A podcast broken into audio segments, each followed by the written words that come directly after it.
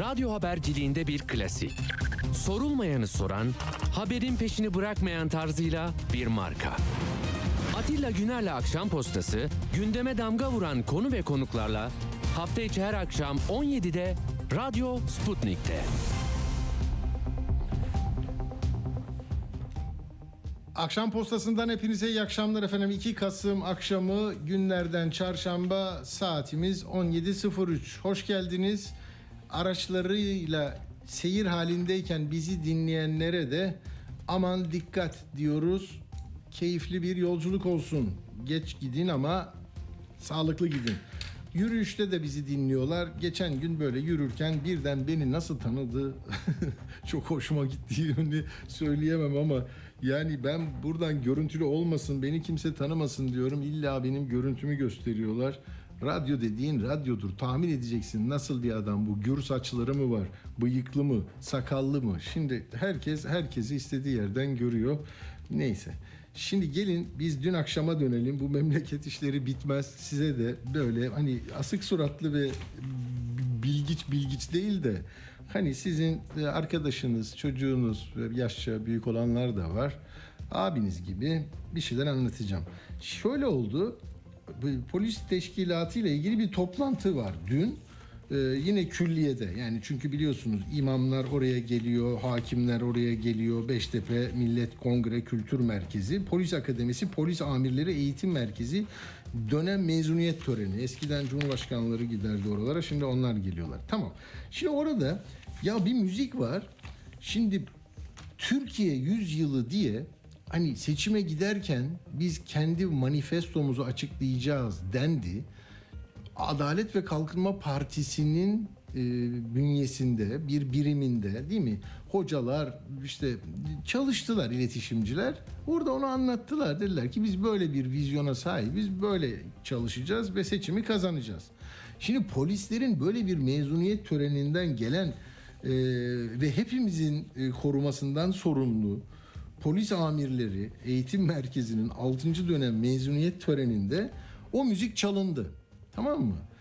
Artık tabii partiyle devlet, hükümetle devlet arasındaki sınır, baraj, ölçü, mesafe silikleşti.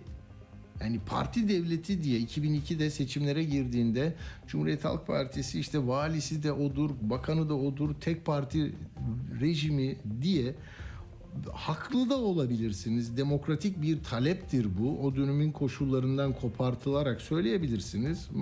Çok anlaşılır bir şey ama şimdi yıl 2022 ve durum böyle. Yani bir partinin seçimle ilgili vizyonu emanet ettiği yer bu bu anlayışı, bu bakışı, bu vizyonu Türk Polis Teşkilatı'na katılacak yeni eğitimli polisler. Bir dinleyin bakalım. Bunun sözlerini biliyorsunuz zaten.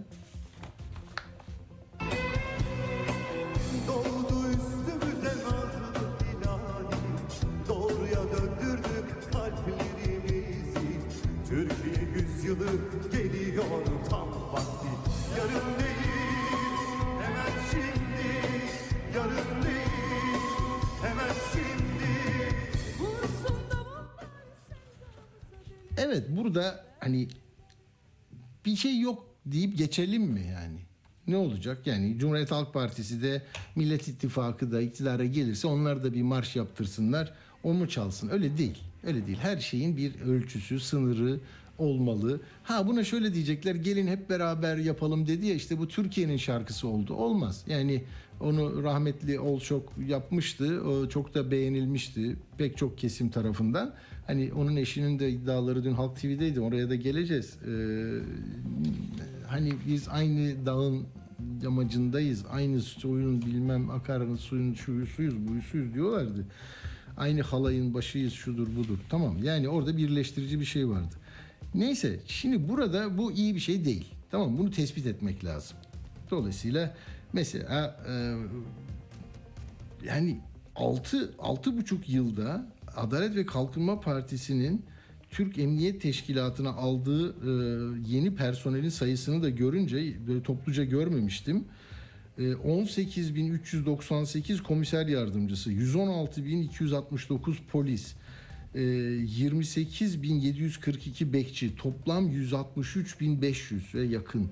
Yani muazzam bir şey. Altı yani şeyden e, herhalde miladı şeyden mi alıyorlar? E, öyle olsa 2006 evet 7 yıl e, yani 15 Temmuz'dan itibaren alıyorlar galiba. Hani onlar vardı bu kadar gittiler şimdi bu arkadaşları aldık gibi. Bir de polislere şu e, şeyi verdi. E, bakın Erdoğan dedi ki bu marşla da ilişkili galiba. Bu marşın yarattığı o atmosfer, o duygu dünyasını pekiştirecek bir şey. Bak ne diyor? 2053 vizyonunu güvenle inşa edecekleri bir Türkiye bırakmak için daha çok çalışacağız. Bu bizim görevimiz.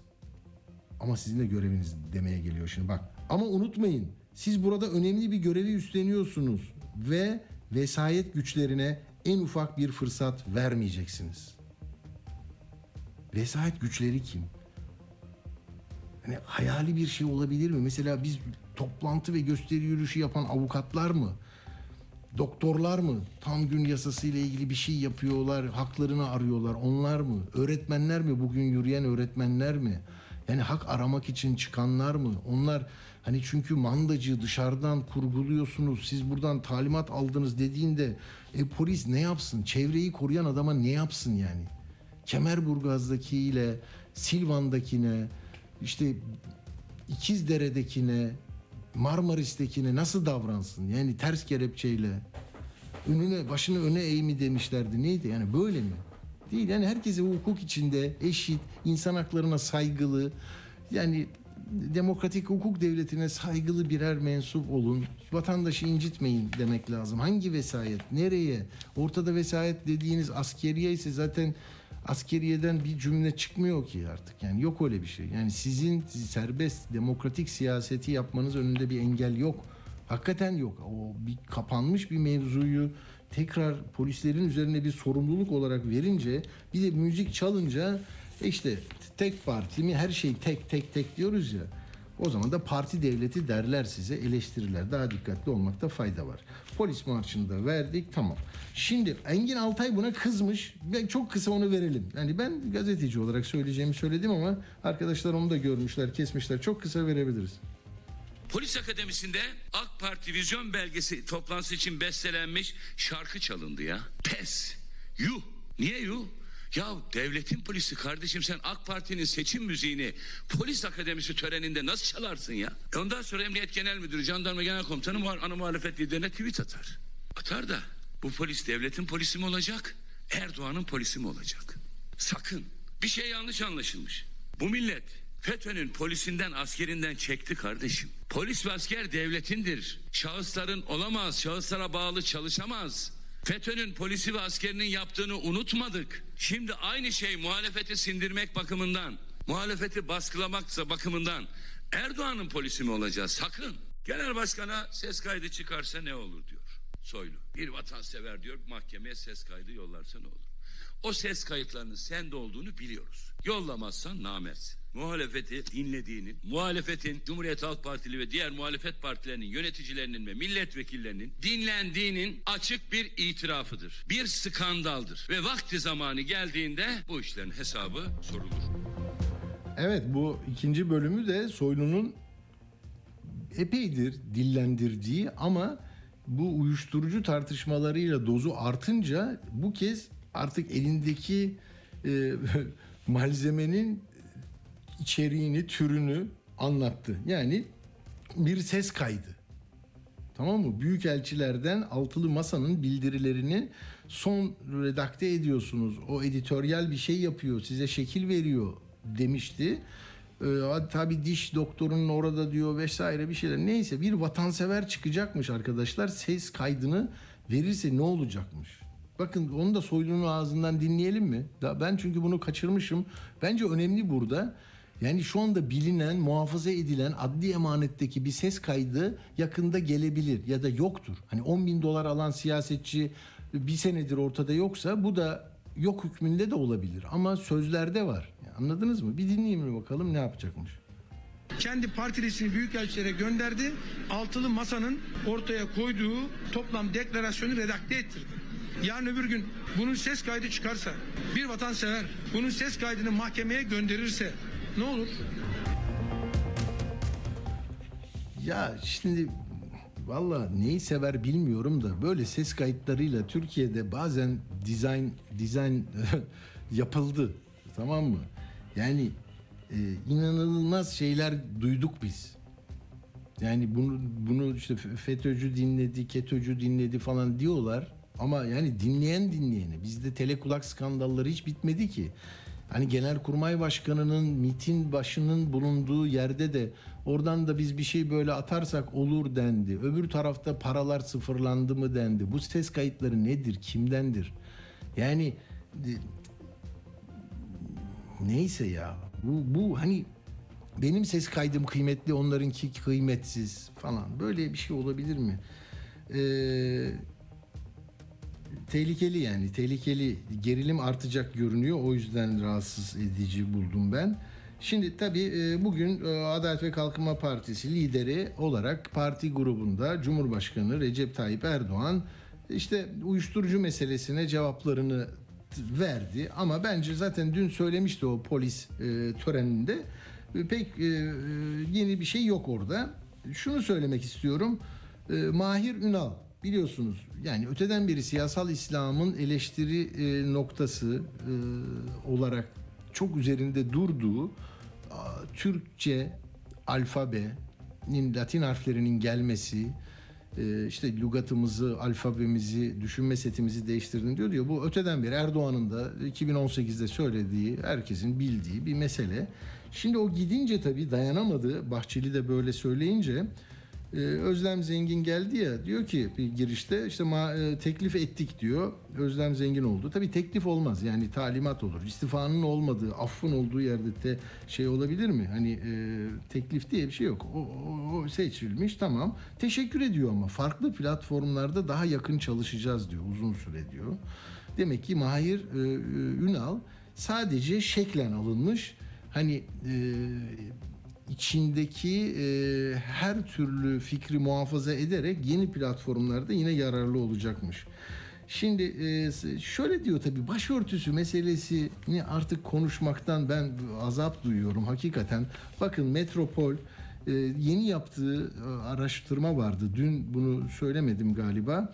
Diyor ki sizce şu anda kamu kurumlarında çalışanlar, üniversitelerde okuyanlar için bir başörtüsü sorunu var mı? Hayır yok diyor 90.1.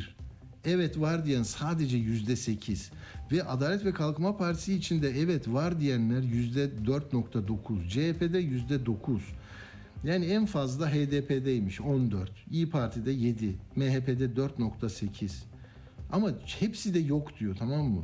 Yani Saadet Partililer bile yok böyle bir sorun diyor. Şimdi olmayan sorunu biz 4 Ekim'den beri konuşuyoruz. Yani Kılıçdaroğlu'nun belki bugün daha çok tartışılıyor olmasındaki temel nedenlerden birisi o. Yani olmayan bir şeyi e, yeniden gündeme getirdi. E, Engin Altay da diyor ya, yani bunlar bitmişti diyordu. Biz çözülmüş bir meseleydi diyor. E, Şimdi referanduma kadar gidecek bu tamam mı? Şimdi başlamış e, Bozdağ görüşmeye başlamış. İşte partilere gidiyor. Siz ne düşünüyorsunuz diyor. Yani bir köşeye sıkıştırma meselesi. Zaten şu lafla da anlaşılıyor. Erdoğan dedi ki sıkıysa başörtülü aday koy da seni görelim. Sıkıysa tamam Yani iş nereye geldi? Bu. Yani burada bir de şey var. Yine tehlikeli e, bu- bulunması gereken bir şey var. Kimin ne kadar e, aileden, kimin sapkın düşünceden yana olduğunu o gün göreceğiz diyor. İşte bak inanan inanmayan, sen inanırsın inanmazsın bilmem o senin sorunun diyor ya. Aynı. E, hep böyle. Yani dini e, kavramların, inanç dünyasının tuğla taşlarının, e, onu e, var eden e, söylemlerin, dini dayanakların yani her neyse bunların ayrışmaya e, vesile olacağı bir döneme doğru gidiyoruz. E, yani hayırlısı diyelim. Şimdi bu bunun dışında e, Erdoğan'ın söylediklerini hızlı söyleyeceğim. Konumuzu iki, iki dakika içinde biraz muhalefet cephesini de konuşarak değerlendireceğiz. E, doçent doktor Berk Esen'le konuşacağız. İki dakika içinde arayacak arkadaşlarım. Ee, diyor ki Erdoğan başörtüsünü gece yarısı çıkardılar. O da diyor çözülmüş bir mesele. Ama işi referanduma götürüyor. Mutlaka gidecek diyor. Bugün yazmış ya Abdülkadir Selvi 400'ün altında olursa 360 olursa referandum. 400 olursa e, kabul edilmiş olacak ama 400 olsa bile diyor şey yapacağız. e, yapacak Erdoğan. Söyleyin e, referanduma götürebilir. Çünkü sandığın yanına hani bir de e, başka bir başka bir şey koyacak. Yani enflasyonun düşürülemediği, e, Türkiye'nin daha adil bir e, sistemle yönetilmediği, daha önemli meselelerini çözemediği ortada olduğu için oraya yani başörtüsü, aile, inanç dünyası, mütedeyyin insanlar, din, ahlak böyle şeyler, kavramlar oylanacak. E, bakın bugün parlamentodaki durum şu 335 sandalyeye sahip Cumhur İttifakı e, ve 65 oyu eksik. Yani 65 insan gelmesi lazım, oy gelmesi lazım. Mesela İyi Parti'de 37 var, e, değil mi? E, HDP'nin de e, var e, epey bir milletvekili. HDP'nin neydi? E, evet 56 onun da. Yani buralardan belki bir şey çıkar. Bunların e, burada ayrımdan korkması hani seçime gidiyoruz ya bu karşı çıktı bu evet dedi bak türbana karşı çıktı lafları çıkacak böyle e, yine aynı yıllara döneceksiniz işte. Başka da bir şey demiyorum ama çok faşist lafını kullandı. Hani faşizm, faşizmi var eden e, şey de, değerler seti nedir? Nasıl faşist deyince faşist mi oluyor? Yani bilmiyorum. Hani orada biraz cinsiyetçi tavır, orada erkek egemen bir dil. e, yani dini açıdan kuvvetli laflar falan bunlar e, oluyor. İşte dedi ki bir de Yalova'da yargıyı mahkeme sürerken orada Vefa Salman'ı görevden aldılar. Niye iade etmiyorsunuz diye milletvekilleri gitmiş duruşmaya. Bunları da diyor yargıyla beraber soracağız bunun hesabını sorduracağız diyor. İşte yani yargı artık tek tek tek bir e, marş, tek bir e, parti iktidarında e, olması gereken meseleler bunlar. Yani e, sorduracağız dedi yani Yalova'da böyle bir mesele varsa. Peki en çok alkışı da tahıl meselesinde aldı. Onu da tespit etmek lazım. Yani bu kadar e, konuşma oluyor. 1 saat 15 dakika Adalet ve Kalkınma Partisi lideri eskide ayak eskiden beri ayakta alkışlandığı dü- şeyler e, bölümler daha başkaydı. Şimdi tahıl meselesi çözülmüş. Bütün milletvekilleri ayağa kalktı. Çünkü ondan önce onları coşturacak, heyecanlandıracak, e, alkışları kuvvetli bir şekilde duyuracakları bir şey çıkmadı ortaya. Durum bu. Peki şimdi hal böyleyken e, biraz tarım destekleri e, arttı. Ona da söyleyeyim değerli konuğuma e, iki dakika daha rica edeceğim. Şöyle Anadolu Ajansı'na baktım. Tarımsal destekle ilgili bir ifade var. Tamam mı? Diyor ki işte 2023'te biz 54 milyara ulaştırdık. 2002'de bu çok daha düşüktü diyor. Ya ben dinledim mesela 54 değildi 34'tü ve yıl 2023 değildi 2022 idi. Erdoğan'ın ağzından çıkan diyor ki 2022'de tarım desteğini 4 34 milyona çıkardık diyor. Anadolu Ajansı onu daha az bulmuş ya. 23 yılı demiş. 2023'te demiş 54'e. Daha belli değil. O bütçede yazılan bir rakamı koymuş. Yani şunu demek istiyorum. Gazeteler kullanırken 34'ü kullanmasın da 54'ü kullansın diye. Çünkü belki mukayese yapacaksınız görürseniz ederseniz ya şuna bak yani geçmeyen otomobiller için bile şu kadar veriliyor. KKM'ye kur korumalı mevduata 88 verilmiş. Ee, bu yıl koskoca e, tarım sorunu yaşayan memlekette 34 mü verilmiş demeyin diye 54 yapılmış. Böyle yani şimdi polis töreninde partinin marşı çalınırsa Anadolu Ajansı yalnızca Japonya'da, Hollanda'da, Almanya'daki enflasyonu yüzde dörtlük, sekizlik, dokuzluk enflasyonun haberini yaparsa burada da bu kadar özen gösterilir. Ee, Böyle. Peki bu halde nasıl gidiyoruz? Nereye gidiyoruz? Sandığa doğru gidiyoruz. Doçent Berk Esen de hattımızda Sabancı Üniversitesi'nden siyaset bilimci. Merhaba hocam hoş geldiniz. Merhabalar, hoş bulduk. İyi yayınlar. Teşekkür ederim. Peki böyle bir tablo var memlekette. Ben sizin yazılarınızdan biraz da bu e, muhalefetin oluşturduğu masa giderek ittifak olacak mı nasıl olacaksa e, aday arayışı oralardaki bir atalet bir e, e, şey bir, sükuneti tarif ediyorsunuz. E, gecikiyor diye mi düşünüyorsunuz ya da Kemal Bey'in orada bir baraj kurup kendi adaylığı dışında başka bir seçeneğe e, yol vermeyeceğini mi e, değerlendiriyorsunuz ya da işte tersi bunları biraz dinleyenlerle paylaşmak istedim. Tabii açıkçası e, bu söylediğiniz e, bütün gelişmeler e, kamuoyunu olduğu gibi beni de kaygılandırıyor. Yani tabii ki e, seçim tarihi daha belli olmamışken adayın hemen bugün içinde ilan edilmesi gerekmiyor. Fakat Altılı Masa'nın bu konuyu gündemine halen almamış olması ve aslında sadece aday meselesi değil işte seçimlere bir ittifakla mı girip girmeyecekleri, ortak bir kabine kurup kurmayacakları, seçimlerde seçmenlerin önüne koyabilecekleri ortak bir programı e, daha doğru düzgün konuşmaya başlamamış olmaları yani bütün bu önemli gündem maddelerinin hiçbirisinin altılı masada şu ana kadar ciddi bir şekilde liderler seviyesinde yani komisyonları aşıp e, altı genel başkan nezdinde tartışılmamış olması tabii beni kaygılandırıyor. Hmm. Bu işin bir yönü çünkü e, tabii ki altılı masa kurulduğunda e, açıkçası birçok yani özellikle muhalif kamuoyunda bir miktar heyecan yaratmıştı. Bu Türkiye'de en azından son dönemde ilk defa e, karşılaşılan bir olaydı. Tabii daha önce Millet İttifakı da kurulmuştu ama böylesine sistem değişikliği öneren ve bunu altı parti bir araya getirerek öneren bir yapı olarak heyecan vermişti. Fakat Hmm. geçtiğimiz 9 ay içinde işte ilk tur tamamlandı. 6 ay boyunca 6 toplantı yapıldı ve bu toplantıların hiçbirisinde aslında seçimleri kazanmaya dönük bir adım atılmaması e, tabii muhalif kamuoyunu kaygılandırmaya başladı. Ben de dahil olmak üzere. E, bu e, durumun içinde hala adayın belirlenmemiş olması bence en riskli durum ve tabii e, biz Cumhuriyet Halk Partisi Genel Başkanı Kemal Kılıçdaroğlu'nun aday olmak istediğini biliyoruz.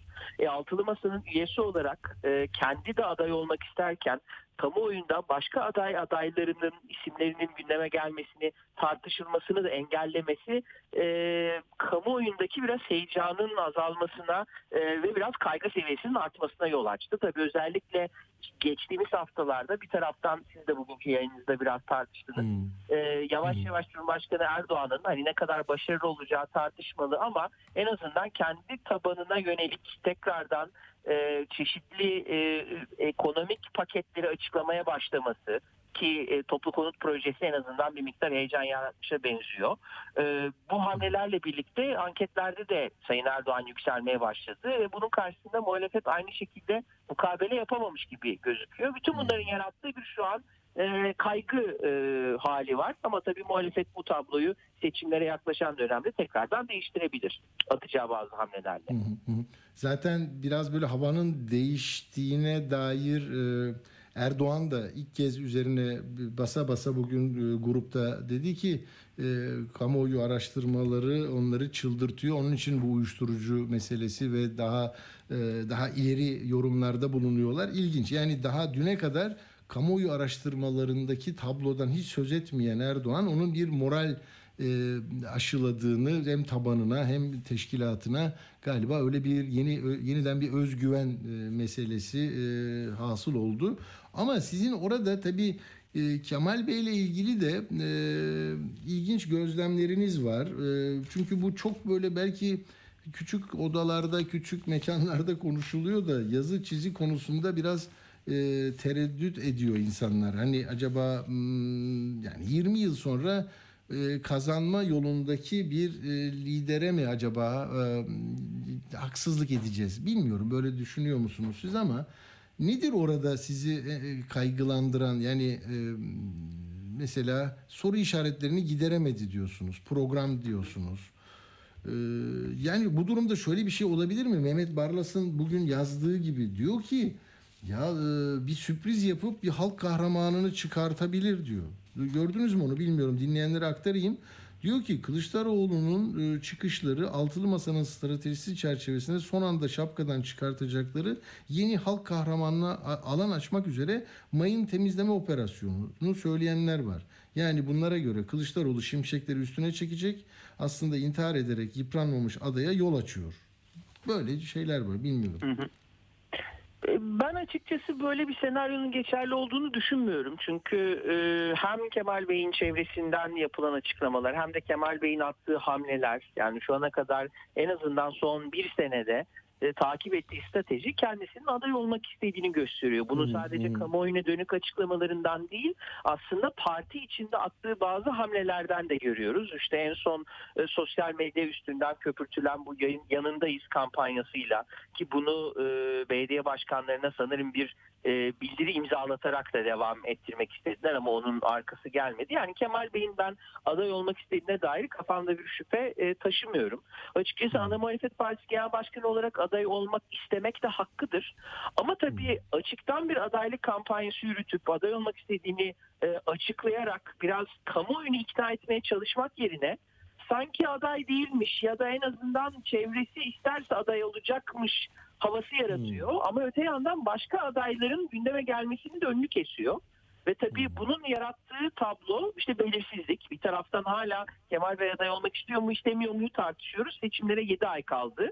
Yani ciddi bir belirsizlik hali var. Ve tabii öte yandan eğer başka bir aday en son kertede seçilecekse yani bu tabii kamuoyunun çok tanıdığı bir isim olabilir. O tanımadığı bir isim de olabilir. Ben gerçi ona çok yüksek bir ihtimal vermiyorum ama e, o adayı da e, biraz kampanya yapması için programını netleştirmesi, kadrosunu oluşturması için ona zaman vermek gerekiyordu.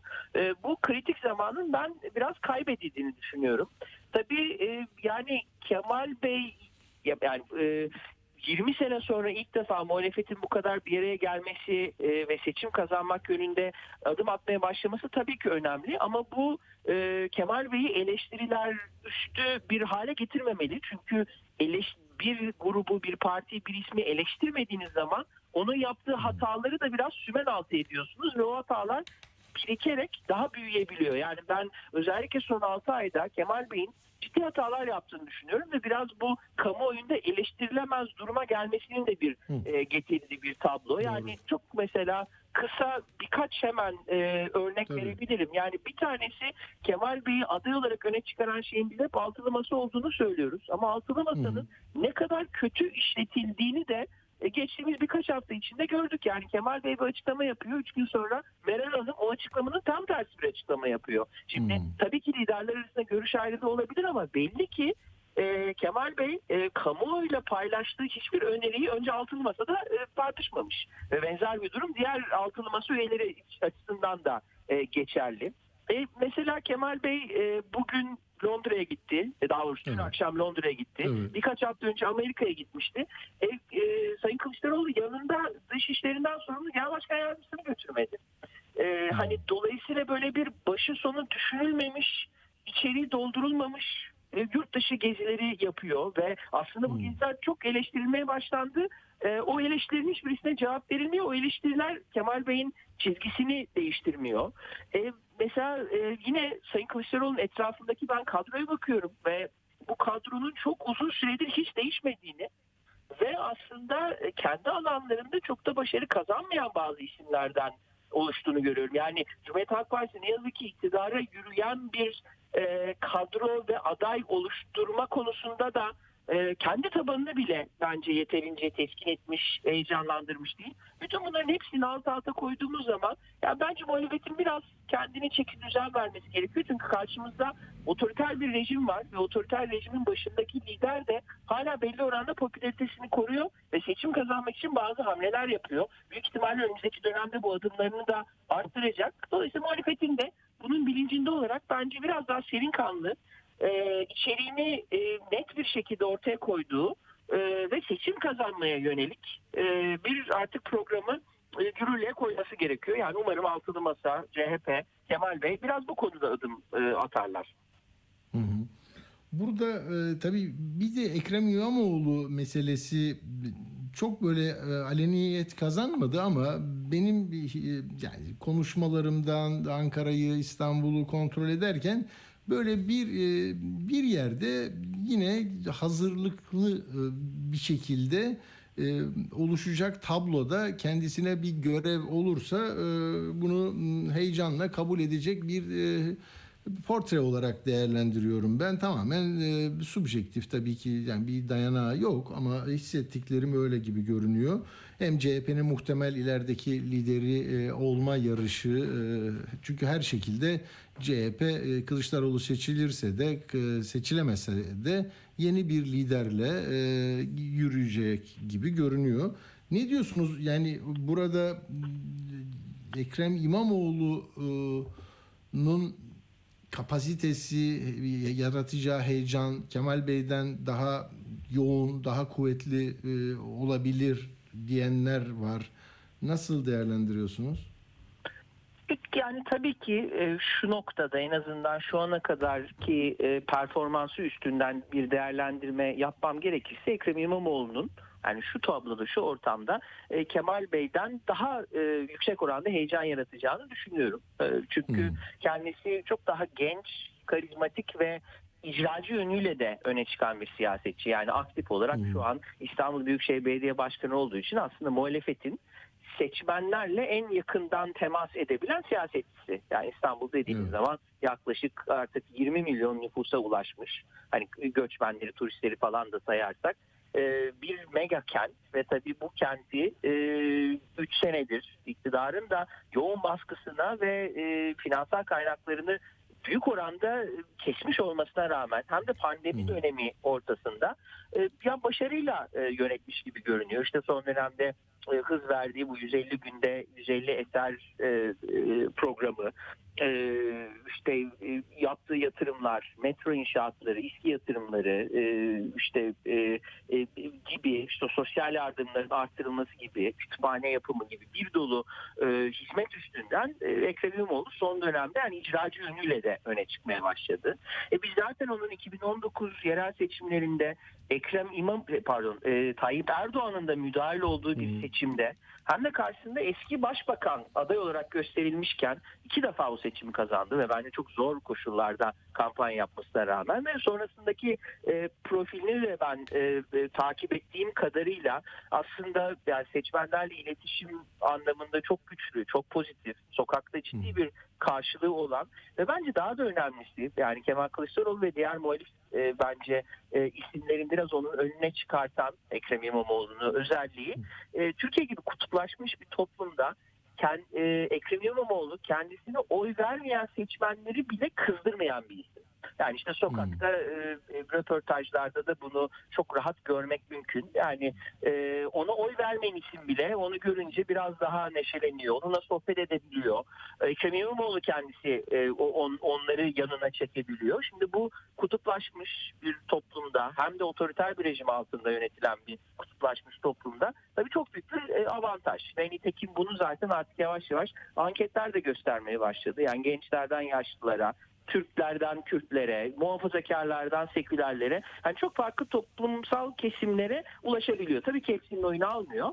Ama en azından muhalefet içinde bu kadar farklı profilden seçmenliği bir araya getirebilen benim gördüğüm başka bir aday yok. Ee, hani e, biraz bu özellikleri nedeniyle e, sizin de sorunuzda söylediğiniz gibi ben de son dönemde yavaş yavaş İBRİ'nin Ekrem İmamoğlu'na dönmeye başladığını düşünüyorum. Bu tabii ki kesin kes aday olacak demek değil. Ama e, hem altılı masa içindeki görüş ayrılıkları ve özellikle e, Meral Akşener'in yaptığı çıkışlar, son dönemki çıkışlarla e, Kemal Kılıçdaroğlu'nun adaylığını kesin kes kabul etmeyeceği mesajı vermesi. Yani en azından Kemal Kılıçdaroğlu'nun adaylığının garanti olmadığı mesajı vermesi. E, Kemal Bey'in attığı bence yanlış adımlar. Özellikle Ekim ayındaki e, birkaç olayda bizim gördüğümüz ve tabii işte Ekrem İmamoğlu'nun yükselen profili bir yere getirilince bir anda e, Kemal Kılıçdaroğlu'na alternatif olabilecek bir aday olduğunu gösterdi. E, Ve bence o bu biraz daha seçenekleri arttırdı. Yani tabii ki kesin kes aday demiyorum. Sadece İbre biraz döndü. Kemal Bey hala aday olmak istiyor ama e, Yani bu aday profilinin ben Kemal Kılıçdaroğlu'na nazaran daha çok heyecan yaratacağını ve kazanma e, anlamında da e, şansını daha yüksek olduğunu düşünüyorum. Evet. Zaten orada belki de e, Erdoğan siyaset oyununu e, masada yani bir satranç gibi oynayan bir isim denir. E, Kemal Bey'in adaylığını zorluyor. Hani olsun olsun olsun diye. E, Orada da e, yani belki gerçekten istediği aday o mu e, diye e, yorumlar yapılıyor. Belki e, istemediği adayların yerine Kemal Bey istediğini e, ima ediyor e, diyenler var. Ama daha bu e, çok net değil. E, çok şey olur. Masa dağılır dağılmaz. Ben dün bir öyle analiz yapmaya çalıştım. Çok insanla konuştum. Hani Meral Hanım'ın dağıtması yerine masayı CHP e, dağıtıp e, ön alıp bir yeniden heyecanla bir şeyler yapabilir e, diyenler de var. E, kritik günler e, bakacağız ama orada ilkesel tutum ne olmalı? Yani mesela Kemal Bey neyi temsil ediyor? Hani daha e, sol açıkta hiç kimse yok, sağ açıktan hepsi geliyor. Mesela Ekrem İmamoğlu da hem dini eğitim de biliyor. Yani e, Kur'an okumayı da biliyor. Muhafazakar bir yapıdan, aileden geliyor. Acaba e, orada yani yine e, aranan e, aday İstanbul için İmamoğlu'ydu. Türkiye için de yine benzer bir e, portre mi arıyor CHP?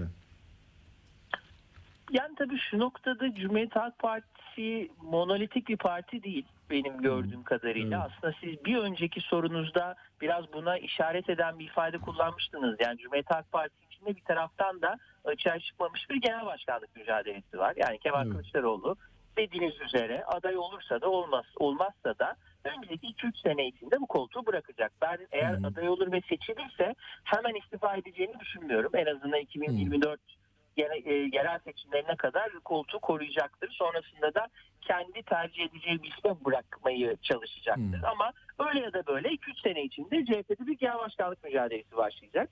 Dolayısıyla aslında Kemal Bey'in ya da Ekrem İmamoğlu'nun adaylığı tartışılırken bence e, CHP'deki birçok ismin kafasında o yani e, aday seçiminin sonraki genel başkan seçimine ve o genel başkan seçimine katılacak aday adayların şansına ne tip bir etki yaratacağı da bence düşünülüyor. Dolayısıyla Hmm. aslında CHP'de şu an iki e, seçim Hani biri yaklaşan Cumhurbaşkanlığı seçimi için aday belirlemek, e, sonra da genel başkanlık seçimi için aday belirlemek. O ikisi biraz e, birbirine paralel e, gidiyor gibi gözüküyor. Ya Bunun ötesinde tabii biraz e, yine e, monolitik olmayan bir parti yorumumu devam ettirip hani şunu da görüyorum. Cumhuriyet Halk Partisi'nin şu anki genel merkezde konumlanan ve Kemal Bey eğer o koltuğu bırakırsa kendilerine CHP'de üst düzey, üst seviyede siyaset yapmayı devam ettirme şansı görmeyen isimler e, Kemal Bey'in adaylığını destekliyor. Çünkü dışarıdan gelen bir isim. Yani sonuçta Ekrem İmamoğlu CHP'li olmakla birlikte İstanbul'dan gelecek. Dolayısıyla daha milletvekili değil. E, Ankara'da çok fazla bir çevresi, destekleyicisi de yok. Büyük ihtimalle partide çok şey değişecek. Kemal Kılıçdaroğlu'nun adaylığında ise büyük ihtimalle daha az şey değişecek. Dolayısıyla e, partide büyük değişim isteyen ve istemeyenler e, olarak da bence konumlandırabiliriz. Yani bu sağ sol meselesi bence e, tanımı şu noktada biraz zor. Çünkü e, sonuçta biz Türkiye'de seçmenlerin hele AKP iktidarında çok sağa kaydığını biliyoruz. Dolayısıyla e, seçim kazanmak istiyorsanız bir şekilde onlara konuşabilecek bir adaya ihtiyacınız var. Bu O, o vakit CHP'nin içinde buna çok özür dilerim. Bir arkadaşımız da yazmıştı biz konuşurken.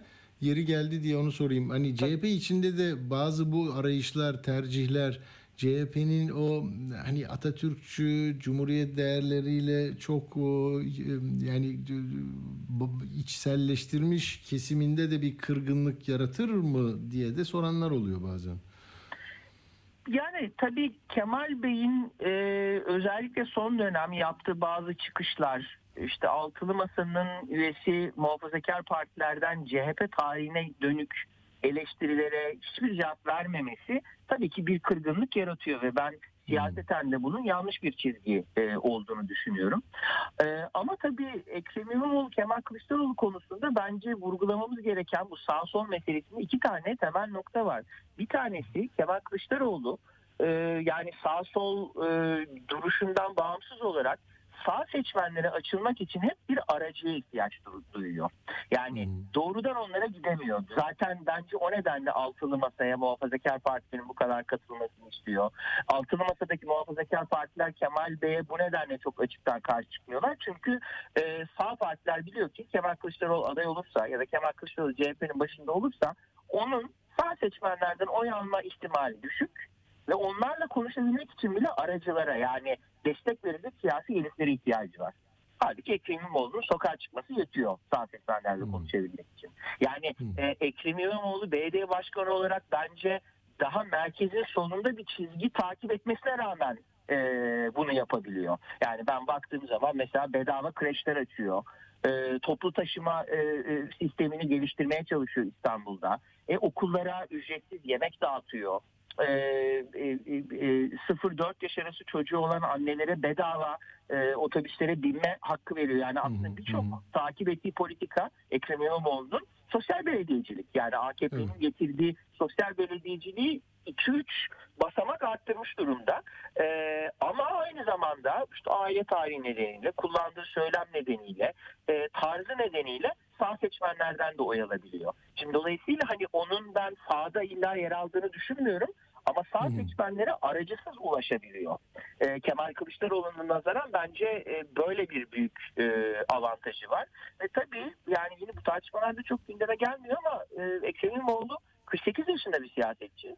E, Türkiye'de seçmenlerin önemli bölümünün 40 yaş altında olduğunu düşünürsek Kemal Kılıçdaroğlu'nun da artık 75 yaşında olduğunu düşünürsek e, Ekrem İmamoğlu ve tabii CHP eğer e, yani CHP eğer genç seçmenlere daha güçlü bir şekilde açılmak istiyorsa e, o genç seçmenlerin desteklediği e, insanları biraz öne çıkarması, e, kendi adaylarını biraz gençleştirmesi daha doğru olacaktır. Dolayısıyla bence diğer bir gündeme gelmesi gereken bu sağ sol meselesinde hani ikinci bir faktör de biraz e, biraz bu. Yani o nedenle ben mesela Kemal Kılıçdaroğlu'nu çok solda gören, Ekrem İmamoğlu'nu sağda gören analizlere çok katılmıyorum. Çünkü Kemal Bey'in söylemi yani e, epey merkezde hatta zaman zaman merkezin sağında e, kalıyor.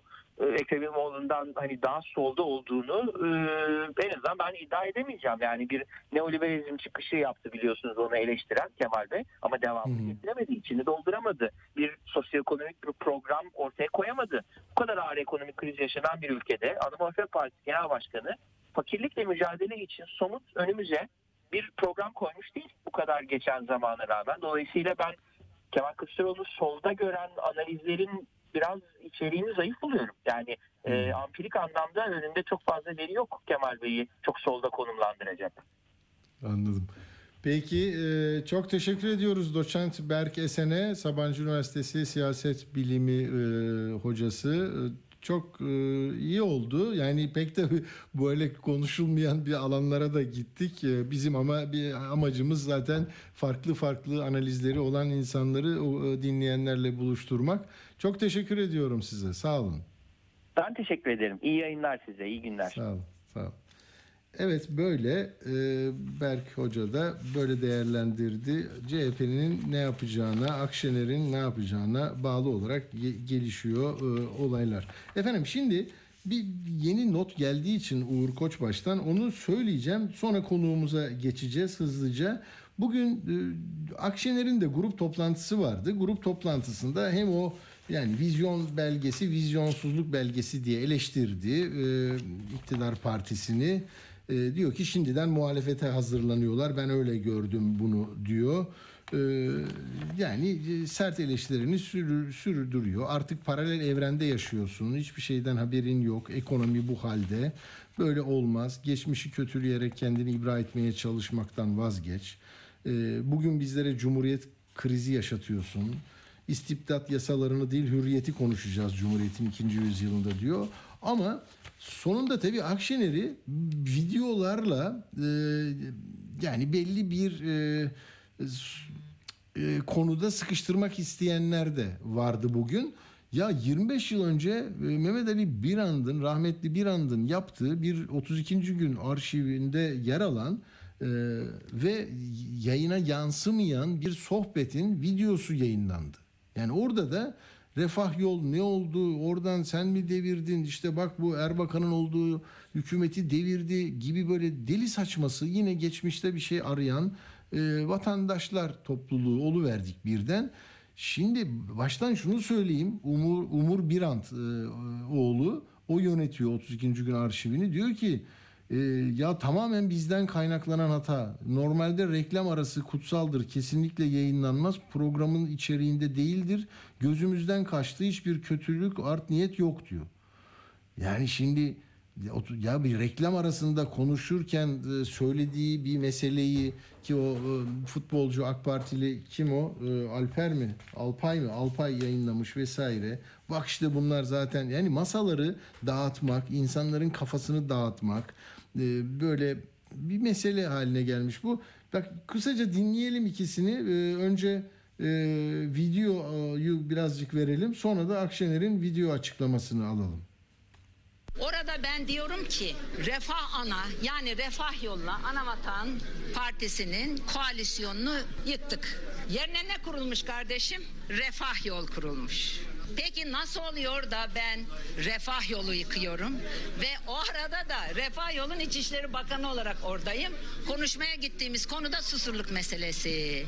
Şimdi bu böyle bir zekasızlığın gerçekten İnanamıyorum böyle bir Türkiye'de böyle bir zamanda böyle bir şekilde ortaya konmasına hayretler içindeyim. Gerçekten Sayın Erdoğan adına çok üzüldüm. İyi ki de o refah yolun kurulmasını sağlamışım. İyi ki de o refah yolun kurulmasına vesile olmuşum. Çünkü 28 Şubatçılar çerçevesi içinde yıkılıncaya kadar Türkiye'nin ekonomisine, ahlakına, Türkiye'nin yönetimine son derece önemli katkıları olan bir iktidardı. O iktidarın da bakanı olmaktan gurur duyuyorum. Teşekkür ederim. Peki o videoda ne vardı? Hemen onu bir dinleyelim. 25 yıl önce. Siz taşıyabilir misiniz şu ekipte? İşini beceremeyen insanları. O soruyu sormadılar. Ben Kadın Kolları Genel Başkanlığımda 8 ayda 45 il gezmişim. Refah ana koalisyonu ben yıktım. Kadınlarla yıktım. 50 kadını dökemediler. Evet böyle artık daha çok böyle ses kayıtları çıkacak, videolar çıkacak. Değil mi? İçişleri Bakanı da söyledi. Yani sesler burada, videolar burada, çalışan ekipler var. Böyle bin odalı yerler, dezenformasyon merkezleri, işte bir sürü faaliyet var. Şimdi e, başka da bir şey söylemeyecektim ben ama e, iki şeyi unutmamak istiyorum. Birisi Ha tabii çünkü hakkında biz de burada çok uzun yayın yaptık. Eski TCDD Genel Müdürü, Devlet Demiryolları Genel Müdürü Erzincan Milletvekili Süleyman Karaman hani bir rüşvetin belgesi diye Seyhan Avşar'ın haberi vardı Halk TV'de. O diyor ki e, yani açıklama da işte açıklamalar eksik kalıyor arkadaşlar. Bu açıklamaları bi- bilen Türkçeye hakim, e, siyaseti bilen, hani Türk Dil Kuru Dil Kurumu'nun şeyine bakan ne bileyim ben sözlüğünden de yararlanan arkadaşlar yazsın. Şöyle diyor ya Ahmet Ergün'ün taraf olduğu şahsi bir davada sunulduğu iddia edilen bir beyan, beyan, beyan dayanak gösterildi. Ben benim böyle iddia edildi diyor. Şahsım menfaat sağladı. Bak İsnat bütünüyle yalandır. E haberde ta- tarihi dahi verilen ihalenin gerçekleşmiş olduğu tarih itibariyle görevden ayrıldıktan iki yıl sonra, sonra olmuş diyor. Zaten kimse siz görevdeyken demiyor ki oradaki etkinliğiniz, gücünüz kolay kolay gider mi? Yani onu ima etmeye çalışıyor e, haberde. Açıklamaya ihtiyaç yok diyor. Soyut diyor. Yani bu kadar. Yani ben onu tanırım. O ihalede böyle oldu. Ben bu, bunu kim benim imzam değil, onun imzası değil. Ne bileyim ben. Böyle e, bir savunma olmuş ama eksik bir şey olmuş. Şimdi çok kısa e, bunu da belirttikten sonra sizi Amasya'ya götürmek istiyorum. Taşova Çambukü köyü eski muhtarı İlyas Celep. Merhaba İlyas Bey. Merhaba. Nasılsınız? Sizin e, ne oldu bu arazi sanayi sanayi bölgesi yapıldı, organize sanayi olacaktı, değil mi? Sizin elinizden aldığını aldılar. Sizi de muhtarlıktan aldılar. Son durum nedir muhtar bey? Onu merak ettik. Şimdi son durum nedir? Ee, geçen ayın kaçıydı? Bilmiyorum şimdi. Benim kafamda Evet. şey. ee, bize bir şafak operasyonu gibi gece saat 12'de askerleri köye yığmışlar. Köyün kenarına o araziye bizim Tamam. aldığımız araziye. Sabah 6'da bir haber geldi. Dediler ki jandarma var. Ve ben o gün hemen eee, buradan vatandaşları bilgilendirdim. Vatandaşlarla birlikte oraya vardık. Bizim mezarın oradan o tarafa bizi salmadılar araçlarımızla. Yaya köyümün halkı yaya oraya vardık. Jandarmayı dizmişler orada. Jandarmayla polisine yani benim halkım 120-130 kişi ise jandarma vardı belki bine yakın. Polisinden, jandarmasıyla. Ne yapacak onlar? Orada iş makineleri mi geldi? Bir İş çalışma mı yapacaklar?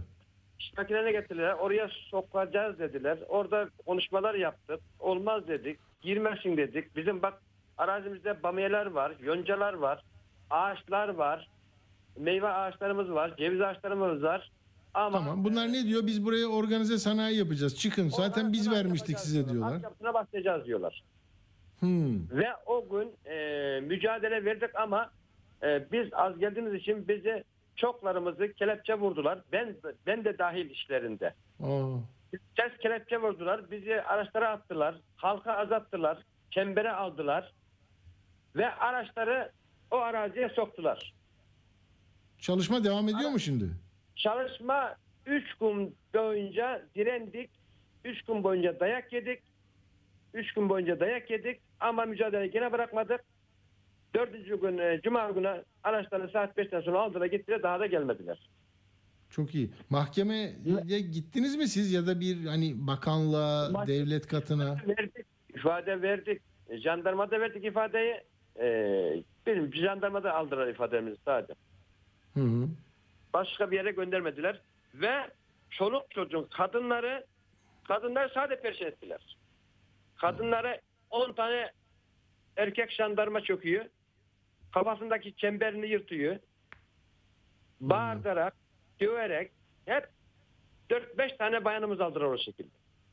Ve perşembe günü, perşembe günü, o günün perşembe günü ayın kaçının olduğunu şimdi hatırlayamıyorum. Hı hı. Taşoya pazara gittim ben. Bizim Taşova'nın pazarı. Bana bir haber geldi ki Menekşe ile eee kızının adı neydi onun? Beyza'yı 10 tane asker üstüne çöktü. Bamya toplamaya gitmiş vatandaş tarlasına. Hı. Araçlar sana sikirme bamyamı ne alırsan demiş kurtarayım demiş. Bana bir haber geldi ki 10 tane jandarma eee kızıyla beraber çökmüşler. E, kafasına cemberi falan almışlar ve ben oradan 160 lira geldim taşıdım 10 kilometre. Ve alay komutanıyla görüştüm.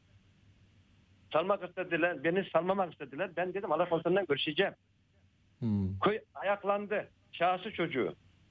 Alay komutanı dedim ki komutanım bu bu hoş durum değil dedim. Bir bayan tarlasına bamya toplayıp iş makinelerine girmeden alabildiğim kadarını alayım demiş. Askerler bu şekilde getirmiş. Ters kelepçe vurmuşlar. Vardım ki kafada cember, cemberiz de yok. Araba yapmışlar bunu bana teslim edeceksin dedi. Alay komutanı orada konuşmamızda anlaştık. Bana teslim etti. Ben taşıyı kendim götürdüm mahkemeye. Anladım. Peki İfade- sonuç olarak şimdi siz orada yani şeyi e, durdurdunuz ama valilik mi istiyormuş, bakanlık mı istiyormuş? Bunu illa yapacağız mı diyorlar? Amasya valisi. Ha, Burada Amasya valisi diretiyor. anladım. Ve Siz de bunu belediye başkanı. Hmm, anladım. Yani burada haklı bir talebiniz var. Yani siz buradan e, 25-26 yıldır i- işliyorsunuz. Bu toprağa Evet. hayat verdiniz ve çok iyi bir e, üretim de yapıyorsunuz. E, Türkiye Evet. tarım sorunu yaşıyor. Şimdi oraya hayır sanayi yapacağız diyorsunuz da bir sürü yer var. Gidin başka yere yapın, yolu yapın değil mi? Yer- Tarım arazisine şey mi yapılır ya? Heh, E, haklısınız. Hı, Bir de benim meramı 470 dönüm meramı basısız toprağa çevirdiler. Ham toprağa Hmm. çevirdiler. ya. E ne oluyor? İstanbul'da da golf sahasını, yeşillikleri imara açıldılar. Yani o Görüyoruz, konularda sorun görüyoruz. yok. Her şeyi yapabilirler. Görüyoruz. Ee, Yapıyorlar. Ama sizi sizi takip edeceğiz. Biz de konuşacağız yetkililerle İlyas Bey. Ee, Bütün Taşova'ya, Çambükü köyüne selamlar iletiyorum. Ee, Çok teşekkür ederim bize katıldığınız için de. Aleyküm selam. Aleyküm selam. Biz de size çok teşekkür ediyoruz. Kolay gelsin. Sağ olun. İyi akşamlar olsun. Sağ olun. Evet böyle e, bir konu yani e, devlet e, 26 yıl önce vermiş alın bu, bu tarım yapın burada diye. Şimdi de hayır ben orayı organize sanayi bölgesi yapacağım diyor. Mesele bu. Amasya'da köylüler jandarma ile karşı karşıya ok meydanında neyse boğazın sırtlarında neyse Anadolu'da o çevreyi koruyan insanlar ne yaşıyorsa aynı şey yaşanıyor. Enteresan. Yani askeri polisi e, böyle yiyorlar ama işte e, ne, oldu? Dün akşamki polis mezuniyet töreninde ne diyor? Vesayet güçlerine karşı en ufak bir şey yapmayın. E, sıkıntı yaratmasınlar. Fırsat vermeyin. Yani tam lafı bu. Vesayet güçlerine en ufak fırsat tanımayın. E şimdi e, bu mu vesayet güçleri mi yani bu Türkiye'nin her yerinde meramını anlatmak isteyen, toprağına, yeşiline, ağacına, çe- çevresine sahip çıkmak isteyen, temiz havaya sahip çıkmak isteyen insanlara böyle bir sert muamele oluyor. Şimdi e, bir iki dakikamız var. Altıda konuğumuzla beraber olacağız. Yeni bir konuğumuz olacak. Halk sağlığı uzmanı çok önemli. Ama ben bir şeyi unutmayacaktım. Neyi unutmayacaktım? Evet Nihal Olçok. Hemen onun bandını verir misiniz? Biliyorsunuz 15 Temmuz'da e, Adalet ve Kalkınma Partisi'nin o bütün reklam metinlerini yazan reklamcı, e, iletişimci Erol Olçok ve oğlu Abdullah Tayyip Olçok ölmüştü, öldürülmüştü. E, Gelecek Partisi'ne katıldı eşi ve 15 Temmuz'la ilgili e, öğrenmek istediklerini Halk TV'de anlattı. Bir dinleyelim hemen. Herkes 15 Temmuz'un kahramanlıklarına soyunuyor. 11 Haziran 2016'da Tayyip Erdoğan'a Şirin Ünal vasıtasıyla gitti darbe olacağı haberi. 11 Haziran 11 2016. Haziran 2016. Niye kulağınızı tıkadınız ya? Neyin ikramı ya? Biz kendimizi gördük. Buna mı muhtaçtınız? 251 kişinin ölümü mü senin çapını ve çapsızlığını gösterdi? Siz şaka mı yapıyorsunuz ya? 12 yıllık hükümete kim darbe yapabilir? Ama sonuçta benim çocuklarım babasız kaldı. Benim evladım öldü. Bugün Türkiye'nin sistemini 15 Temmuz değiştirdiyse ve bu sistem kime yarıyorsa, AK Parti'ye yarıyorsa bunun ne kadar paydaşı olduğunu bana birisi açıklamak zorunda. Çünkü bu 15 Temmuz'dan sonra bir tane siyasetçiye dokunulmadı. Evet Nihal Olçak böyle diyor. Gerçekten Halk TV'de çok da izlenmiş dün. Sözünü ettiği, ikram edildi 15 Temmuz bize sözü de kime ait? Bakan Nebati'ye ait. Daha önce söylediği bir şey.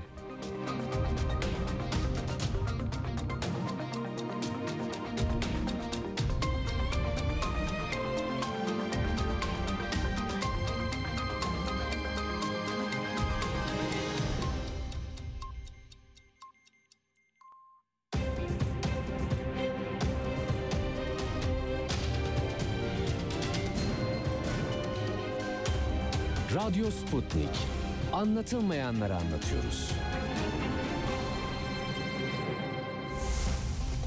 Radyo haberciliğinde bir klasik. Sorulmayanı soran, haberin peşini bırakmayan tarzıyla bir marka. Atilla Güner'le Akşam Postası, gündeme damga vuran konu ve konuklarla hafta içi her akşam 17'de Radyo Sputnik'te. Evet efendim şimdi Türkiye epeydir bu kentsel dönüşümü konuşuyor. Ben de Kadıköy tarafında bir yolculuk yapmaya kalksam epeydir daha önce daha da yoğundu. Bağdat Caddesi en zengin e, bölge oradaki binalar yıkılıyor. Kamyonlar böyle muazzam iş makineleri kıyamet kopuyordu. Herkes de rahatsızdı. Şimdi e, bunu insanlar konuşuyordu zaten. Yani toz var, gürültü var, asbest var, moloz ne olacak? Yani buna bir çözüm yok mu? Hır gür böyle koştura koştura iş yapıyoruz. Doktor Cavit Işık Yavuz, halk sağlığı ve çevre sağlığı uzmanı. Merhaba, hoş geldiniz Cavit Bey. İyi akşamlar, merhabalar Atilla Bey. Ee, teşekkür ederim. Hakikaten bunu pratik olarak nasıl çözebiliriz? Yetkililer ne yapsın? Yerel yönetim, vatandaş, idare, kamu e, alanında ne yapılabilir? Ya da bu işi yürüten müteahhitlik firmaları, onların alt e, iş görenleri ne yapmalı? Aslına bakarsanız bu e, hani sadece kentsel dönüşüme özgü değil, inşaat sektörünün Türkiye'de uzun yıllardır Tabii. e, yoğun bir şekilde çalıştığını düşünürseniz hani bizim tırnak içinde normal zamanlarımızın da önemli potansiyel sorunlarından bir tanesi. Ve Doğru. bununla ilgili belirli düzenlemeler de var. Mevzuat düzenlemeleri var. Hani bu kentsel dönüşüm ve inşaat faaliyetleri sonrası ortaya çıkacak yıkıntı atıkları diyor e, genel olarak hani bu e, teknik terim olarak bu uzmanları bu yıkıntı atıklarının belirli e, kurallara uygun bir şekilde taşınması, depolanması, hatta geri dönüşüm, geri kazanım, yeniden kullanım gibi faaliyetler sonrası atık miktarının azaltılması önemli işlevlerden bir tanesi. Tabii bütün bunların da denetlenmesi Hı. gerekiyor. Ee, Peki hocam burada tarif ed- eder misiniz bize mesela ne yapılırsa usulüne uygun oluyor? Halk sağlığı dikkate alınmış oluyor. Hani inşaat başladı, yıkım var, sonra da imalat var. Ne olacak? Yani kapatacak mı naylonla? Böyle bir standartları var mı bunun? Tabii aslına bakarsanız bunun gerek hani iş güvenliği mevzuatı kapsamında gerekse de çevre e, mevzuatı kapsamında düzenlemeleri var. Bir defa o binayı e, önden bir değerlendirmek gerekiyor. Örneğin o binada bir asbest kullanımı var mı yok mu?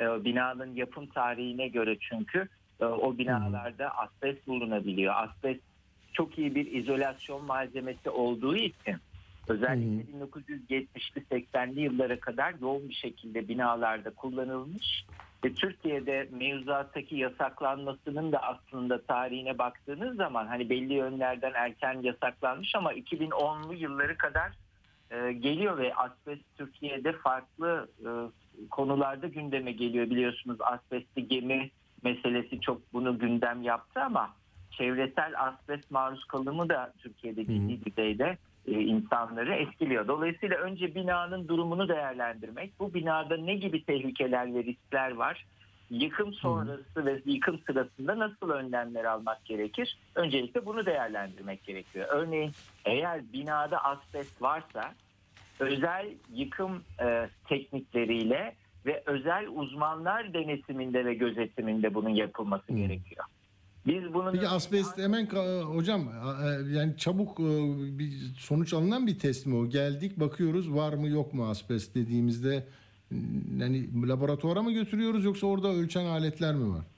Nereye baktığınız önemli. Binalarda asbest çatı kaplamalarında işte e, su borularının etrafında izolasyon malzemesi olarak kullanılıyor. Dolayısıyla binalarda işte önce gelip bir e, fiziksel muayene yapıyorlar. Sonra evet numune alınıyor ve o numunelerde asbest lifi olup olmadığı çünkü lif şeklinde olduğu için e, belli teknik incelemeler gerekiyor ve eğer binada asbest varsa çok özel önlemlerle etrafa hem yayılmayacak hem de e, bu yıkım sürecinde çalışanları etkilemeyecek şekilde e, özel önlemler alınması gerekiyor. Çünkü Atilla Bey tek bir asbest lifi bile çok uzun yıllar sonra kansere neden oluyor.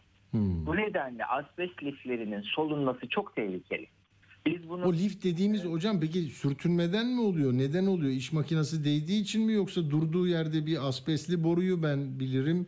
Hani onu artık kullanmıyorlar. Su, su içme suyu e, ya da kullanım suyunda zarar veriyor diye. Ama e, hani bize nasıl ulaşıyor? Nefes alıyoruz o zaman mı? Soluyor muyuz onu? evet, evet. Solunum yoluyla almamız çok riskli. Hmm. Yani e, ağız yoluyla sindirim sistemine girdiğinde solunum yolu kadar risk oluşturmuyor. Bu asbest lifleri havaya karıştığı zaman ve biz o lifleri soluduğumuz zaman akciğerimize yerleşiyor. Akciğerden akciğer zarına geçiyor ve çok uzun yıllar sonra akciğer zarı kanseri yapıyor. Mezotelioma dediğimiz bir kanser yapıyor. Türkiye'de asbestli topraklar özellikle kırsal alanda badana malzemesi olarak kullanıldığı için evlerde de insanların soluduğu havaya asbest karışabiliyor. Yani bir de böyle bir boyut var. Hani e, örneğin Sağlık Bakanlığı'nın 2012'de yayınladığı bir rapor vardı. Türkiye'de 1 milyon kişinin bu şekilde evlerde bu badana malzemesi olarak kullanılan asbest nedeniyle risk altında olduğunu söylüyor. Şimdi kentsel dönüşümle birlikte eğer bu mevzuya da dikkat edilmezse asbest önümüzdeki 20 yıl için önemli bir halk sağlığı sorunu oluşturabilir. 2017 yılını hatırlarsanız Ankara'da eski hava gazı binası paldır küldür yıkıldığı için o binada asbest kullanıldığı için hani bu işin denetiminin yapılması ve özel uzmanlar gözetiminde yıkımın e, yürütülmesi çok önemli. Bununla da ilgili bir mevzuat var. Bir asbest uzmanı tarif ediyor. Belirli bir eğitimden geçmiş, belli disiplinden insanlar asbest uzmanı ünvanı alıyorlar ve bu binaların yıkımını denetlemiş oluyorlar. İşin asbest boyutu bu anlamda çok önemli ama sadece asbest yok tabii bu binalarda. Farklı ağır metaller, farklı kimyasallar, özellikle bu binalarda, lambalarda, floresanlar vesairelerde kullanılan çevrede çok kalıcı ve suya gıdaya bulaştığında da insanlar açısından çok riskli çeşitli maddeler var. Onların da e, hani e, yıkım sırasında özel olarak önceden sökülmesi, özel tesislerde depolanması ya da farklı şekillerde kontrol altında tutulması gerekiyor. Bunlara dikkat etmediğimiz zaman önünüzde risk oluşturan büyük bir atık yüküyle karşı karşıya kalıyorsunuz. Do- Dolayısıyla burada herkese sorumluluk düşüyor hocam ama ben şunu derim beni eskiden beri dinleyenler biliyor. Bizde böyle yönetmelik, tüzük, tebliğname, düzenleme, regülasyon muazzamdır. Yani Avrupa Birliği eşiğindeyken de bunlar standartları yükselttiler. Hepsi böyle raflarda duruyor da sonunda işte maden işçileri için o kadar e, denetleme yaptık dendi. Evet. E, hiçbir denetleme olmamış. Onu yapmayan anlayış, onu yapmayan yaklaşım e, burada herhalde bizim e, yanı başımızdaki binayı yıkarken ya ne olacak bundan da zaten kim denetliyor ki gibi değil mi? Böyle bir şey oluyor. Yani e, insanı hakikaten tedirgin e, edi- eden bir sonuç çıkıyor. E, Bunun için belki şikayet etmek lazım, takip etmek lazım. Hakikaten e, çoluğumuz, çocuğumuz, ailemiz, herkes buradan demek ki farkında olmadan bir şey has- hastalığa gidecek, ölüme gidecek bir şey alıyor. Elbette her şeyden önce o bina yıkımları sırasında oluşan toz bile yani e, hava kirliliğine neden oluyor. O tozu, tozun içerisinde birçok farklı kimyasal madde var. Astım gibi, koah gibi farklı Hı. hastalıklara neden oluyor. Ya da etrafta astımı, koahı olanların e, hani şikayetlerini tetikliyor. Özellikle çocukları da çok yoğun etkiliyor. Çocuklarda solunum yolu enfeksiyonlarını arttırıyor. Hani e, bu buna çok az maruz kal- kalıyoruz demek lazım. Çünkü etrafa yayılan toz evlerin içine de bir şekilde kapalı alanda da etkiler gösteriyor. Bu kent tüm sürecin hani her anlamda ya da bir inşaat sürecinin her anlamda çok dikkatle yürütülmesi, vatandaşın da bu konuda bilinçli olması ve özellikle gördüğü aksaklıkları işte o taşınırken kamyonların oluşturduğu sorunlar meselesi bir inşaat özel izin alarak aslında hafta sonları da bir saat akşam belli bir saate kadar da çalışıyor. Hani bunun da bir sınırı vesairesi yok ama Kesin. bir şekilde vatandaşın müdahaleleri bunun denetlenmesi yolunda da bir e, hareket yaratmış oluyor. Bu anlamda da önemli. Doğru. Peki ben son bir şey söyleyeyim. Burada yaşadığım için unutmuyorum. Çok yakın bir zamanda bir tatil beldesinde yanı başında bulunduğum yerin böyle bir site inşa ediyorlar ama e, Ağustos ayı yani yasak e, o sırada çalışmak. Telefon açtım belediyesine ilgili vesaire ekipler geldi. Sonra baktım devam ediyor bir saat sonra. Dedim niye böyle oldu? Dediler ki bunun cezası 5500 lira onu kestik döndük. Başka bir şey yok mu? Yok. Yeniden başladılar. Gürültü, duman, patırtı ve inşaat yasağı var. Yani onun için e, bu konularda daha kararlı ve e, böyle geri adım atmayan tutum gerekiyor. Hocam çok teşekkür ediyoruz size. Bu konuyu ben yeniden e, gündemimize aldık. Sağ olun. Ben teşekkür ederim. İyi yayınlar diliyorum. sağ olun. Cavit Işık Yavuz hocam sağ olun. Sağ olun.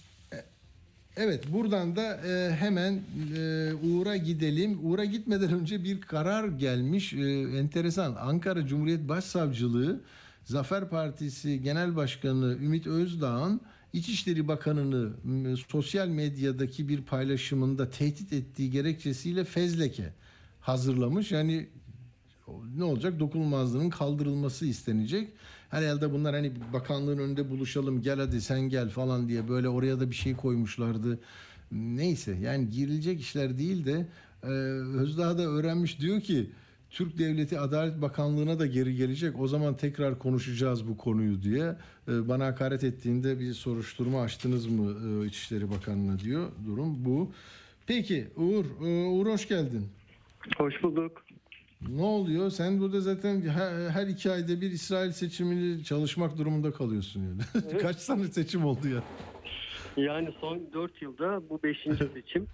Çok Yani iyi. İsrail sürekli seçime giden bir ülke çünkü e, baraj 3.25 e, sandalye sayısı mecliste 120 ve 30 30 küsür tane parti var mecliste.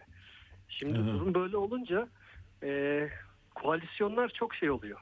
Çok e, hassas oluyor ve hı. dengeler değişebiliyor ve kırılıyor. Hmm. Yani İsrail seçimi neden önemli bizim için?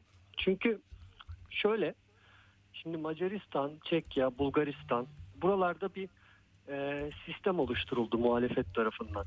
Böyle muhalifler blok oluşturdular ve seçime girme stratejisini e, uyguladılar. Şimdi bunun en başarılı örneği de geçen yıl İsrail'de yaşanmıştı. Şimdi Netanyahu İsrail'in en uzun süre başbakanlık yapan ismi. Ee, 12 yılı üst üste olmak üzere 15 yıl İsrail'de başbakanlık yaptı. Ee, biraz nefes nefese kaldım kusura bakmayın. ne oldu ya? İsrail'den mi geliyorsun? İsrail'de Ben mi? Tel Aviv'de. gidip aldım koşa koşa da. Öyle mi? Ee, Peki onun tamam. Şimdi Tamam. geçen yıl e, Türkiye'de e, bu altılı masaya benzer bir koalisyon kuruldu. Hı hı. Yani bizdeki altılı masaya benzer bir koalisyon İsrail'de kuruldu. 8 partiden oluşuyor. E, sağ var, sol var, merkez var, Arap var. Yani İsrail tarihinde ilk kez bir Arap partisini bile içlerine aldılar. Çünkü onun bir sandalyesine bile çok ihtiyaç duyuyorlardı. Yani İsrail'in HDP'si diyebileceğimiz bir parti o koalisyona dahil edildi. Ee, ve e, Demokratik Blok ya da Değişim Bloku olarak anılan bir e, ittifak kurdular. Ama şimdi dedim ya sağ var, sol var, merkez var, Arap var. E, işte bunun şeyi var, yeşili var, çevrecisi var vesairesi var. Yani tek anlaşabildikleri husus Netanyahu'dan kurtulmaktı. E, ve birçok konuda zaten anlaşamayacakları belliydi. E, ve bir sandalye farklı iktidara geldiler. Çok büyük kutlamalar Hmm. oldu vesaire. Ama bu iç anlaşmazlıklar e, nedeniyle bir yıl iktidarda kalabildiler. Yani bir, bir vekil sadece koalisyondan çekilince zaten e, İsrail beşinci kez sandığa gitmek zorunda kaldı bu dört yıl içinde. Netanyahu da o zaman bu çok iyi bir haber demişti ki Netanyahu Hmm. Uğur orada mısın? Şarjı bitti. Bak şarj almaya koştu. Değil mi? Necdet. hay, hay Allah. Şey e, bir de hani koşa koşa gidip e, yayını yapabilmek için takviye şey, ekipmanlar almış. Ama e, dur bakalım ha- halleder şimdi Uğur. Belki e, ciddi bir sorun yoktur. Ben o gelene kadar hani biraz da dış dış haberler e, tadında bir şey bu. Onu söyleyeceğim. E, Türkiye'nin cari açığıyla ilgili bugün Erdoğan dedi ki e, yani bizim konseptimiz işte üretim, istihdam, ihracat ve cari e, fazla vermek. Ama yani biz epeydir bu cari fazlayı bilmediğimiz gibi rekor üzerine rekorlar kırılıyor. 2018'den bu yana en yüksek seviyesinde şimdi Ağustos ayında 40 milyar dolar. Yani bu e, çok övgüyle bahsedilen ekonomi modeli cari fazla üretmeye yetmiyor.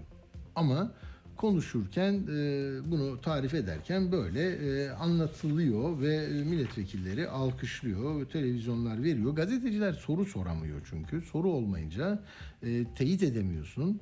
E, işte görüyorum burada e, mesela 36.9'muş 2018'de 2018'den beri en yüksek seviyede ayda 3 3.2 milyar dolar cari açık veriyoruz. Yani Türkiye'ye gelen giden e, turizm, inşaat, müteahhitlik her şey. Peki bunu söyledim. Uğur hoş geldin. Ne yaptın? Şarjı tam alamamış mısın? ya ne bileyim şarj olmamış ki. Hallettim. Eyvah. Ee, Tamam hallettim. Şimdi e, Netanyahu dediğim gibi yolsuzluk ve dolandırıcılık e, suçlamalarıyla yargılandığı için e, hı. siyasette çok e, tartışmalı bir figür haline gelmişti. Ama o davalar devam ederken seçim kararı alınınca Netanyahu Hı hı. yeniden siyasette parlama fırsatını buldu ve seçimlere de girdi. Şimdi aşırı sağcı partilerle e, tabii yeniden e, bir koalisyon denemesine, ittifak denemesinde bulundu. Mesela bunların içinde Ben Gvir diye bir parti var mesela. Bu e, İsrail tarihinin en radikal siyasetçisi denilen bir ismin liderlik ettiği bir parti. Şimdi polis bakanlığını istediği konuşuluyor. Yine seçimden üçüncü parti olarak çıkması beklenen Dinci Siyonizm diye bir parti var.